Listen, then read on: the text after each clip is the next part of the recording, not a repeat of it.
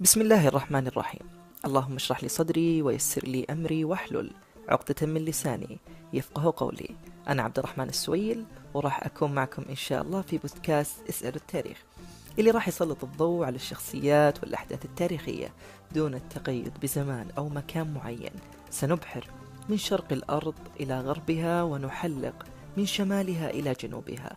سنطوف في جميع البلدان من مختلف الأمم. والأعراق. سنتعرف على أسرار الأمم والحضارات ونستلهم منهم العبر اللي راح نستفيد منها في حياتنا اليومية. ليش؟ لأن التاريخ يكرر نفسه. كما يقول البيهقي لا توجد حادثة لم يحدث مثلها من قبل. ختاما يقول ابن خلدون إن فن التاريخ فن عزيز المذهب جم الفوائد. شريف الغاية إذ هو يوقفنا على أحوال الماضين من الأمم والأنبياء في سيرهم والملوك في دولهم حتى تتم فائدة الاقتداء في ذلك لمن يروم أحوال الدين والدنيا. ألقاكم على خير.